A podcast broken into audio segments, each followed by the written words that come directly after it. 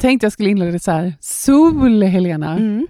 Underbart väder. Ja, det är det. Ehm, Det är väldigt det är helt så här. Vet du vad det bästa är? Nej. Det är när man ska gå på morgonen till förskolan och ungarna bara behöver ha jacka och skor. Just det. Och likadant när man hämtar dem och de är ute Ja. och leker, att det inte är liksom massa overaller och vantar och mössa. Och, ja. Jag fick ett, eh, en bild på, av min äldsta son på Mm. mitt barnbarn Bruno. Just. Eh, I helgen när han hade en nyköpt väst på sig så skrev Patrick så här, overallsäsongen är äntligen slut. Ja, Mm. är det är fantastiskt. Det är underbart. Alltså vår också innebär, innan, eh, lite innan vi träffades idag, Mm. så såg jag två barn utanför vårt hus här, och hade de här karaktäristiska första maj majblommepåsarna eller sådär. Mm. Så jag tänkte, att nu måste jag gå ut och öppna. Så jag gick och öppnade, det var en liten pojke och en flicka. Och så, ah, säljer ni majblommor? Ja, det gör vi, sa de så här. Ja, vad kul. Ja, men kom in här då, så, så då vill jag köpa en majblomma av er. Och så frågade jag så här, säljer ni tillsammans eller var och en för sig? Nej, så pojken, vi, vi, vi säljer tillsammans, men eh, vi tar vartannat hus. Ja, men vilken bra idé, sa jag. Ja, vi kom på det förra året, att det var ett väldigt bra upplägg. sa han. Ja, så gullig. Ja, men vad bra liksom. Ja. Och så pratade vi lite om det och jag köpte några majblommor och swishade. Så frågade jag så här, vilken skola går ni på? Ja, vi går på Handskrivsskolan. Ja, är det, är i tredje klass gick de. "Eh, Ja, är det en bra skola? frågade jag. Det är en jättebra skola, sa den här pojken. Ja, vad bra. Så här, Tycker ni det är kul att gå i skolan då? frågade jag. Det är jätteroligt, sa han. Jag blev så himla glad och så Ja. träffa så här positiva barn som liksom, ja det var så himla mysigt. Var Vad det. kul. Ja, jag träffade faktiskt också några, två tjejer som gick och Ja. sålde. Men då gick jag och bar på två skrikande barn och en annan som ville gå till en lekpark så att det passade inte riktigt eh, för mig att köpa just då. Nej. Men eh, ja.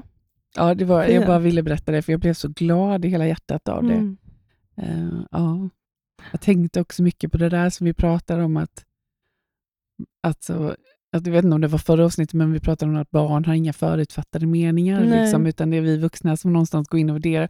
De här två, de var ju ändå liksom, måste vara tio år eftersom de Mm. gick tre, men de var så oförstörda på något vis. Eh, så härligt Mm, mysigt var det. Mm, det var fint. Hemma har vi nedräkning för att Helia fyller år första maj Just och då det. blir hon fem år. Mm, en hel hand. Ja. Så att, eh, ja, det har varit allt ifrån att det ska vara halloween-kalas där hon vill gå trick or treat. Och jag har försökt förklara att det inte riktigt går just nu, Nej. eh, men att hon kan få jättegärna ha halloween-kalas om hon Mm. vill. Liksom. Till att nu är det Gabbys Dollhouse, det är något barnprogram hon kollar på. Ja. Eh, så att, ja, vi får se vad det landar i Ja. helt enkelt. Mm. Men hon eh, håller på där hemma och planerar vilka som ska få komma och så. Mm. Det är lite olika från dag till dag. Men eh, ja. Härligt. Mm. Mm. Du och jag har ju träffats redan idag. Ja, det har vi Mm. gjort. Vi borde göra det lite oftare. Ja. Eh, men ja, Men det var väldigt trevligt. Vi hade ju lite möte om podden och Ja. framtiden och lite sådana saker. Det ser Mm. väldigt kul ut. och nästa veckas föreläsning Ja. också. Mm. Mm. Jätte, det ska bli så kul. Ja, Häftigt. ja, det är roligt. Det är kul med föreläsning. Jag var på föreläsning igår Ja. mm. i Göteborg. Jag tog med Mm. mig eh, jag hade med mig eh, två samordnare som jobbar på Jonis Assistans som hjälper mig lite med schema och, och sådär. Också min man. Och Sen så skulle en till samordnare följt med egentligen, men han blev sjuk. Så på morgonen fick jag meddelande. Så då tänkte jag så här, vem ska jag ta med? Vem ska jag fråga? Liksom. Och då kom jag på att min, min sons svärmor bor i Göteborg. Mm. eh, Eva. Så då ringde jag till henne, eller jag skickade sms och hon ville jättegärna följa med. Så vi var och lyssnade på Christer Olsson, Mm. hans eh, nya föreläsning som heter Lev livet levandes. Mm. Så den var jättebra. Och han kommer ju till oss nästa vecka. Ja, det gör han. Ja, Det ska bli jättespännande. ja det ska bli spännande. Mm. Det ska bli spännande. Det var oerhört... Eh, ja, det var, det var väldigt... Eh, jag skrev det till honom, jag mejlade till honom idag och sa det. Liksom, det var väldigt så här, liksom nästan lite tyst i bilen på väg hem. Alla var väldigt berörda och tänkte mycket. och sådär. Mm. Ja, men vi ska inte berätta så mycket om det, utan han får berätta mer Ja. nästa vecka Ja, när han ska vara med. Mm. Mm. Vi har ju Vi har ju en väldigt spännande grej som kommer hända i sommar sen. Mm. Jag vet inte om vi ska berätta det redan nu eller om vi ska vänta. Vi kan ju vänta med innehållet, men vi kan ju berätta att vi kommer köra eh, en eh, podd en gång i veckan fram till sista maj ungefär. Sa Ja, precis. Och vi kommer också, kan vi ju påminna om i slutet också, kommer vi också ändra så att vi kommer släppa på måndagar. På måndagar. Ja. Ja, Det är alltid för stressigt för oss ja, precis. att hinna med till torsdagar. Ja. Så, Men vi kommer under en helg här i maj spela in några avsnitt som vi kommer släppa som en Mm. liten följetong i sommar. ja, men precis. Vi ska Mm. göra en poddserie Ja. där vi kommer prata utifrån relation Mm, kopplat till sorg. precis. Och vi har ju bjudit in eh, eh, två olika par kommer det vara. Vi Ja. behöver inte avslöja vilka. Det behöver vi inte göra. två olika par som kommer dela med sig om hur det har varit för dem att drabbas av sorg på olika sätt. Just det. Dels det här att sörja olika, Ja, eh, men man sörjer samma sak och hur Mm. hanterar man det? Men också det här eh, men hur man kommer vidare ja. eh, i sorgen. Och så. Mm. så det blir spännande. det ska bli jättespännande. Mm. Och ja, nej men det ser jag verkligen fram emot. Mm. Och jag tror att eh, eller liksom det är många som har efterfrågat det lite just för att det är man märker när man drabbas av sorg att man i relationen inte riktigt kanske alltid drar jämnt och man inte kan finnas där för varandra. Och Det Mm. hade ju jag väldiga problem med också, att vi Ja. gjorde det väldigt olika. Och Då sa ju du till mig att, mm, att liksom Erik kanske inte kan vara den som finns där för mig Nej. just nu för att han själv sörjer och han försöker hantera det på sitt sätt. Och att man då ska försöka kanske vända sig till någon annan och så. Så det ska bli jättespännande att få göra detta. Jag tror det kommer hjälpa väldigt, väldigt många. Ja, men och, och just det där också att, att inte ha vad ska man säga, inte ha förväntan på varandra, Nej. att det ska vara lika, utan att det får vara olika. Och Det betyder inte att det ena är fel eller det andra är rätt, eller sådär, utan att det får verkligen vara det. Och, och Det ska bli spännande också att prata med de här två paren utifrån hur, hur man kan stötta varandra fastän man känner eh, eller reagerar på olika sätt. Ja, precis. Jag tänker att det här citatet pa- passar ganska bra in här nu. Mm. Jag har med mig en liten bok här, När livet går i spillror, Mm. eh, som är skriven av Ulf Lidman. Ulf Lidman är en man som jobbar med krishantering. Jag har gått en, en krishanteringskurs hos honom för, det är faktiskt nio år sedan vet jag, Mm. för det var precis efter min 50-årsdag. Därför har jag koll på det. Nej, men jag, hittar, jag läser den ibland och, och han skriver så här bland annat. ehm, en människa är alltid expert på sitt eget liv. En människa har alltid tolkningsföreträde när det gäller sina egna upplevelser och erfarenheter. Vi får aldrig stjäla dessa personliga erfarenheter genom att tycka att vi förstår situationen eller personen bättre än att förstå sig själva. Det vimlar av experter som älskar att etikettera människor. Eh, och Det där tycker jag är så himla viktigt. Eller hur? Verkligen. Alltså jag pratade faktiskt med en, eh, en person idag på telefon eh, för att eh, den personen var intresserad av att göra sorgbearbetning. Eh, Och de går igenom, de har haft sorg i många år. Mm. De har ett barn som har olika typer av funktionsnedsättning och så här. Mm. Så det är ju, alltså jag tänker att du har pratat om det också innan, att Mm. det är ju den där stressen som har suttit och sorgen under så många långa ja, ja, år. Liksom så. Eh, Men då pratade vi just om det att människor omkring en alltid är experter, Mm. fast de inte ens har blivit drabbade själva eller förstår Nej, vad det är man går igenom. Ja. Och det där är ju så, det provocerar ju rätt så mycket när man är drabbad av sorg och att man hela tiden hamnar i en situation där man måste försvara sig Mm. och förklara varför man kanske inte mår bra eller Mm. är ledsen eller vad det kan vara. Eller så blir man bara tyst. Eller så blir man tyst. Sådär, för jag Ja. tänker liksom, om jag förstår precis hur du har det, liksom, nej, Mm. det är ingen som förstår. Nej. Alltså jag, kan, jag möter ju människor utifrån min situation med Jonathan Mm. än idag. Liksom. Alltså, men jag, för mitt liv är ju inte riktigt kanske likadant som om andra 59 år sedan. Ja, men alltså, Nej. det är ju som att ha ett litet barn fast han fyller 33 år i Mm. år och man, han har svår epilepsi och oro som man jämt har och sådär. Liksom. Ja. Och där kan man också säga, ah, nej, men man kan förstå hur du har det. Nej. Nej. Nej, men, Likväl som jag vet att jag sa till dig någon gång när du gick eh, hos mig där att Mm. jag kommer, alltså jag, jag, för mitt liv så förstår jag inte vad du går igenom. Nej. För det går ju inte. Nej, men jag tänker också att det är det här dåliga samvetet som folk ger en, att Mm. om man är för glad, då ifrågasätts det. Mm. För hur kan du vara glad när ja, hon är död eller han är skadad eller vad det kan vara. Ja. Eh, eller om man inte är ledsen, då är Mm. det så här, men hur kan du inte vara ledsen när du går igenom detta? Alltså det går aldrig att göra rätt. Nej. i andras ögon Nej. så är man alltid fel Mm. på något sätt. Ja, precis. Och det stressar ju en med för att jag tänker som i sorgbearbetning när vi pratar om att man ska få känslomässig läkning, att det är Mm. okej att vi också ska få känna lycka och vara glada igen. Mm. När man väl gör det då så kommer någon utifrån och bara, men, men hur kan du vara så där glad och göra det där Visst. när hon dog på så hemskt sätt? Mm. Då skapar ju det ett dåligt samvete och man känner att man gör någonting fel när man Mm. egentligen gör allt rätt. Ja, precis. Och så finns det inte heller rätt och fel på det sättet, Nej. men, men jag tänker ett bättre sätt åtminstone att hantera Mm. det på, så får man ändå... Men det... Jag vill tänka också återigen att det är liksom ingen som menar något illa, men Det, men jag tänker på den föreläsningen där jag var igår, han pratade om det här just att det finns ingen mening med till exempel att ett barn dör. Det finns ingen, det finns ingen meningsfullhet i att hans fru dog för ett och ett halvt år alldeles för tidigt till exempel.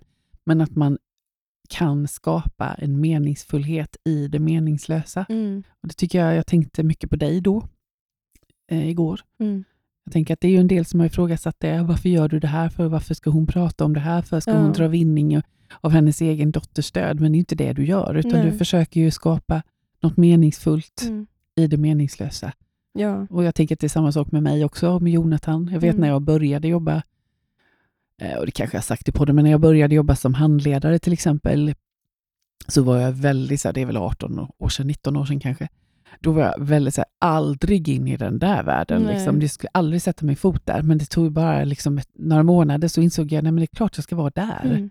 Jag har någonting att säga liksom. Mm. och det är mitt sätt också att skapa meningsfullhet i det meningslösa. Ja, och jag insåg ju också, eftersom att jag tyckte väldigt bra om hälsa och, och liksom ville öppna ett hälsocenter med yoga och Mm. liksom hjälp med kost och sådana saker, så insåg jag när jag drabbades av sorg att herregud, det här är ju hälsa om något. Mm. Alltså får vi inte känslomässig läkning så kommer vi aldrig kunna må så bra Nej. som vi kan. Alltså det spelar ingen roll hur mycket jag tar hand om min kropp på olika sätt med träning eller mat Mm. eller liksom mindset eller vad som helst. Får vi inte... jag gäspade. Alldeles för många nätter med utan sömn. Ja. Men får vi inte hjälp med den känslomässiga läkningen så ligger det ju där kvar. ja, visst. Jag, vi pratade om det innan när vi träffades idag. Jag har börjat med det rätt mycket nu när jag har klienter som går sorgbearbetning, att jag, jag har en, en plåtskål som Mm. står på mitt bord Mm. och där har jag massa eh, servetter Mm. som man kan ta om man blir ledsen och så. Ja. Eh, och Då brukar jag ta fram den där skålen och så säger jag det, liksom, att tänk att den här plåtskålen är din kropp Mm. Och alla de här servetterna som man har här i, det är olika sorger, olika storlekar. Ja. Och gör du sorgbearbetning, då Mm. plockar du ut en av dem. Mm. Men slutar du där sen, Mm. då kommer inte du få en beständig känsla av den känslomässiga läkningen, utan den kommer sitta i en liten stund. Mm. Men sen kommer ju alla sorger som ligger kvar i din kropp påverka dig igen, eller Ja, om något nytt händer eller sådär. Mm. Eh, Så därför gäller det att man fortsätter jobba med att bearbeta sorger för att Visst. plocka ut mer och mer ur den här plåtskålen eller kroppen, så att vi kan få en mer beständig känsla av det. Mm. Och det är ju det som vi brukar säga när vi pratar just om sorgbearbetning. Mm. för- För mig åtminstone så har ju det blivit mer som ett, ett livsverktyg, Ja. ett, ett sätt att leva egentligen. Precis. Men man behöver ju då också hela tiden jobba med det. Mm. Mm. Och läsa boken och jag menar, hitta de där Mm. sakerna. Jag pratade med en klient idag som har bara, eh, hon har bara brevläsningen kvar. Liksom, Mm. eh, sådär. Och hon, nej men hon, hon, jag kommer inte ihåg exakt hur hon uttryckte det, men det var lite så här att ja, men bara det håller i nu. Och så här. Men jag sa Mm. att viktigt också att och låt boken ligga framme. Ja. Alltså den behöver inte ligga på, på vardagsrumsbordet, men låt den ligga framme så att du ser den. För då Mm. kan du också liksom ta upp den, du kan läsa någon sida, du kanske Ja, läser den från perm till perm någon gång och sådär, men att låta den ligga framme som en påminnelse. Mm. Eh, att det är det här som jag ska leva efter. Liksom. Mm. Mm. Det har du påmint mig om rätt många gånger innan jag liksom blev lite bättre med att få in det som en rutin. Ja. Nu känner jag ju mer att jag använder mig av det när det är saker och ting. Mm. Mm. Men eh, jag gjorde ju, nu är det ett tag sedan jag läste mina brev. Jag gjorde ju Ja. det, var det innan jul? ja, jag tror det. Ja. Så det är väl dags för mig att sätta mig och göra något Ja. till nu. Mm. När gjorde du det senast? Ja, men det är rätt så länge sedan också, det är några månader sedan. Mm.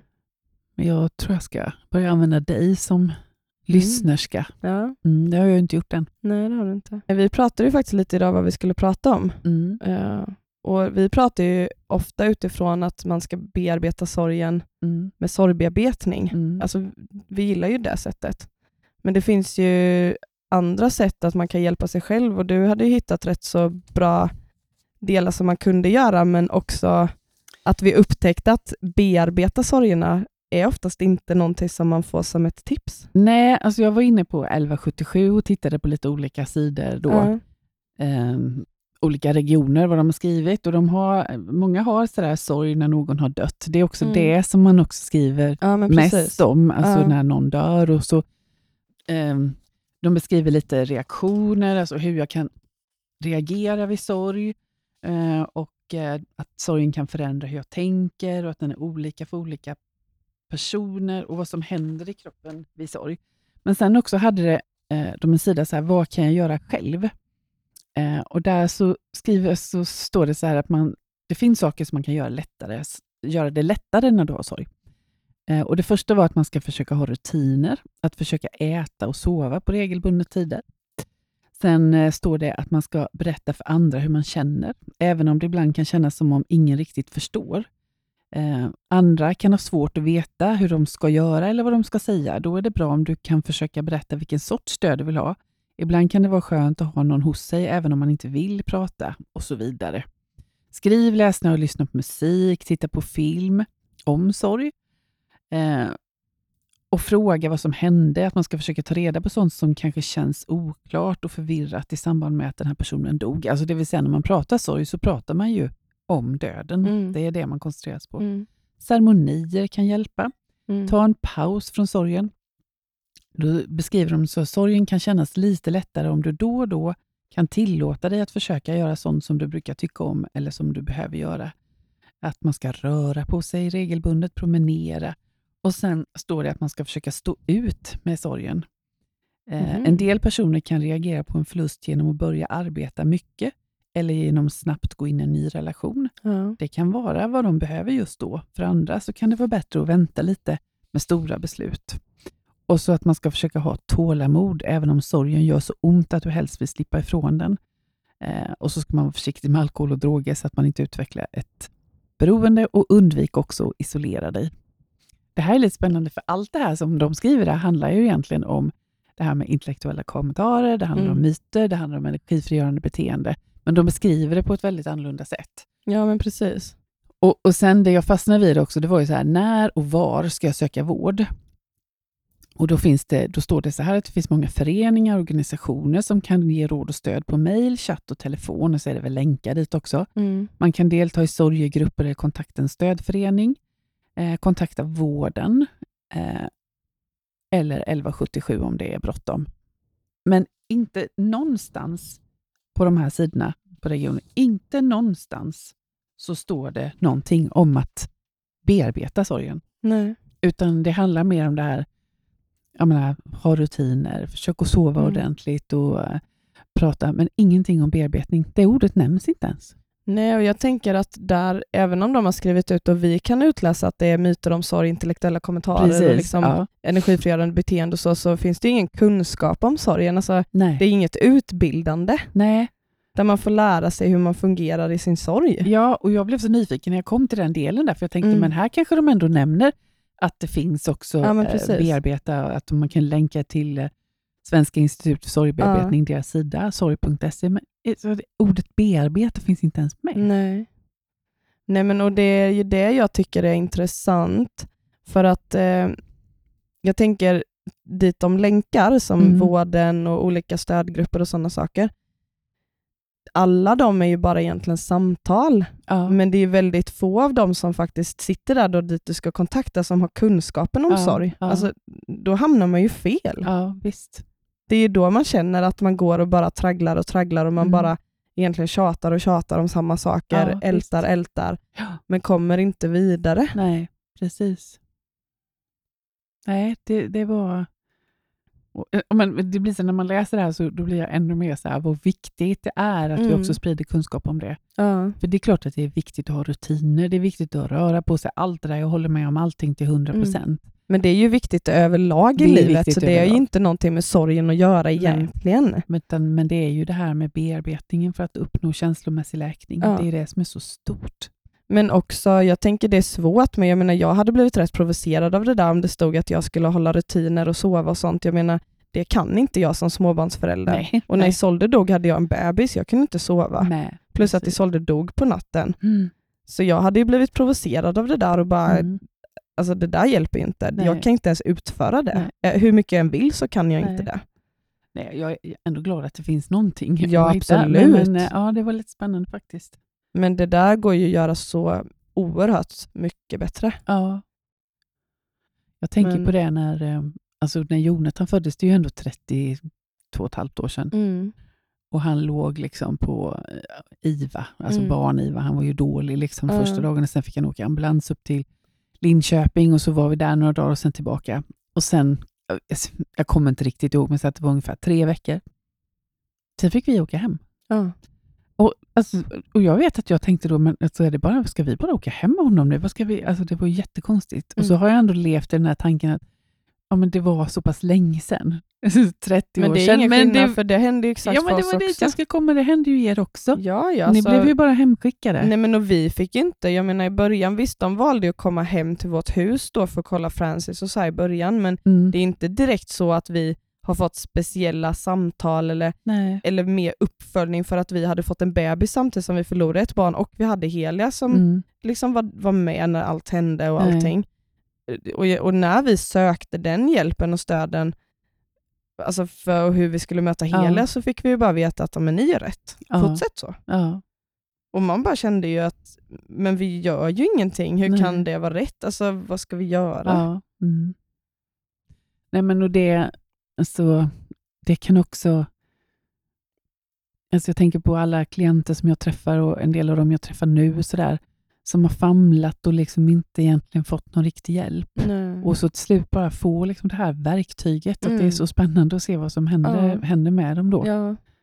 Och hur man hör människor. Jag tänkte på den här kvinnan som eh, när jag instruerade hur det här brevet skulle ja, eh, skrivas och liksom just det här. Eh, jag släpper taget om smärtan och, och förlåter dig så att jag kan gå vidare och bli fri. Och, jag vet när vi tittade på det, hon, hennes kommentar var så här, wow. Ja. Ja, så jag visste det är stort. Ja, det är jättestort. Mm. Ja. Det var en, eh, en klient som jag hade som gick sorgbearbetning i vintras men som kom tillbaka nu tre gånger och vill ha hjälp med att bearbeta ytterligare en relation. Mm. Det var digitalt också. Ehm, hon sa till mig så här att "Ja, men jag har fått sådana invärtes verktyg, sa hon. Ah. så jag frågade, får jag, får jag citera det? Hon bara, ja det var det. Invärtes verktyg har jag Mm. fått. Och så innan gjorde jag nästan allting på impuls, men Mm. nu stannar jag upp mer och tänker efter Mm. innan jag liksom eh, gör detta. Mm. Mm. Det är fint. Ja. ja. Ibland så känns det som att vi sitter inne på någon så här hemlig, hemligt vapen. typ. Ja, sen är det ju inget, alltså det är ju inget, vi har ju inga trollspö, det är också Nej. alltså de som går sorgbearbetning, eller de som går, vi har ju också gått, men alltså det handlar ju också om att man behöver lägga ner lite jobb på det. ja. Och här får man ju i ärlighetens namn säga, under de snart 11 år som jag har jobbat med detta, det är klart att alla har ju inte gjort det. Eh, Men jag tror inte heller de får riktigt samma effekt på det. Nej, det får man ju inte. Nej. Men det brukar jag faktiskt vara rätt ärlig och säga till mina klienter Ja. när, de, alltså när man har det här första samtalet Ja, och man precis. frågar lite så säger jag ju det att ska du göra detta nu då får du committa till det. Det är Mm. liksom åtta veckor eller Mm. kanske tolv veckor beroende på hur mycket tid man behöver. Ja. Där du behöver liksom veta ditt varför du ska Mm. göra detta Mm. för att det Mm. kommer vara känslomässigt Ja. jobbigt. Mm. Och du kommer känna att du inte vill fortsätta för att det är för jobbigt och det Ja. kommer vara livet som händer däremellan Precis. som gör att du känner att nu är det en sak för mycket. Mm. Det kommer bli så. Men, men du, hå- håller du i åtta, veck, alltså åtta veckor så? För det har jag ju nästan aldrig någon möjlighet att göra. Alltså, jag märker det på människor, de har inte riktigt tid. Nej, det brukar bli Alltså, man har, 12 veckor kanske. ja, precis. För det är också ett sätt. Mm. Livet är ju Ja, alltså jag vill inte låsa upp någon till att det ska vara åtta veckor och så känner den personen att så här, men jag kan inte den här veckan eller så Nej. och då är det kört, då kan man inte göra det. Det är inte riktigt så det funkar. Nej, nej. Eh, och jag vet när jag gick hos dig så behövde jag ju två, tre veckor ibland på någon Ja. uppgift. Alltså, jag vet när jag Jo, för skulle jag göra... menar, en- del uppgifter kan man ju inte ta så lång tid. Nej, I precis. slutet vill man ju att det ska gå lite fortare, för Ja. då jobbar man ju mer med känslan. Liksom. Ja. Men i början är det ju inte så. Nej. Nej, och sen jag hade en klient som hade förlorat sitt barn och eh, det barnet eh, låg begravt där de hade sin eh, sommarstuga eller Mm. sommarställe. Ja. Och hon ville hemskt gärna vara där när hon läste brevet Mm, och de mm. skulle inte åka dit först efter tre veckor eller vad det var och då Ja. fick det bli så för Ja. att det var viktigare att hon skulle få läsa det när, när hon var där. Precis. Liksom. Ja. Så att det är också så här, man får anpassa lite efter personen i fråga. ja, det är klart. Eh, men man kan ju göra hela programmet också på fyra veckor, Ja. alltså där man träffas två gånger i veckan Mm. om man vill göra det mer intensivt. Ja. Men då är det ju fyra veckor som gäller, Ja, alltså då är det ju precis. så man får göra. Ja. Men jag har aldrig gjort den faktiskt. Nej, det har inte jag heller. Eh, Jag har ju också varit lite så här tveksam till det här, jobba digitalt så här, under Mm. pandemin. Så här, man, allt började så jag har varit lite, ah, nej. Jag tycker det funkar väldigt bra. Sen Ja, läste jag, jag på tycker det. Susanne Nilsson, hon som Ja. vi hade som gäst här när hon pratade om barn och så. Jag läste Mm. på hennes hemsida också mm, att hon hade skrivit specifikt kring det, att det liksom finns forskning som visar att det ger samma effekt, utan Mm. det viktigaste är att man, liksom, man får berätta för en annan levande person. ja. Så det tyckte jag kändes skönt. Så Mm. jag känner mig mycket mer trygg i det nu också. Ja, jag har ju gjort digitalt ända sedan jag nästan utbildade mig. Och det, alltså de som har gjort det, jag frågar alltid efteråt hur de har upplevt det. Ja, Eh, och jag har också lite avstämning när det gått en tid efter och sådär. Mm. Och jag menar, de är jättenöjda. mm. Och nu har jag, jag har flera stycken som nu har kommit tillbaka efter att de hade gjort bearbetningar för ett tag sedan, där de nu är redo att göra flera. ja. Och Det tycker jag är häftigt. Egentligen så skulle jag vilja att alla som går sorgbearbetning verkligen gör sina tio bearbetningar Mm. och har som mål att man också ska bearbeta relationen Mm. till sig själv. Mm. Så ja, jag funderar lite på att ta fram det som ett program, liksom, Mm. att, man, att man jobbar under ett, ett års tid ja istället tillsammans. Ja. Ehm, ja. Mm. och man gör sina bearbetningar och jobbar med det och liksom så. Mm. Just för att få den här hållbarheten i det känslomässiga Ja, läkningen och även också få in det som en vardagsrutin Mm. i ens liv. Just det. Det är en bra idé då.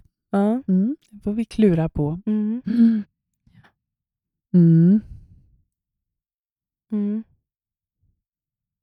Mm. Mm. Mm. Tycker du att det... mm, Alltså jag kan känna lite så här, nu, nu är det... s- Man har jobbat ett helt år snart igen. Jag, jag känner mig lite trött. Mm. Alltså, ja, man är ju så närvarande när man jobbar med detta och man lyssnar och, och sådär, men det tar lite också.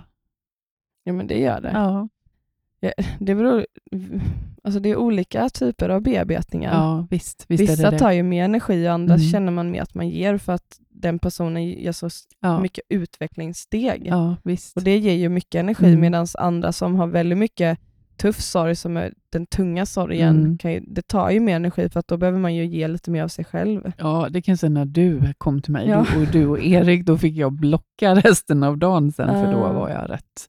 Mm. Det var svårt, det var tungt. Mm.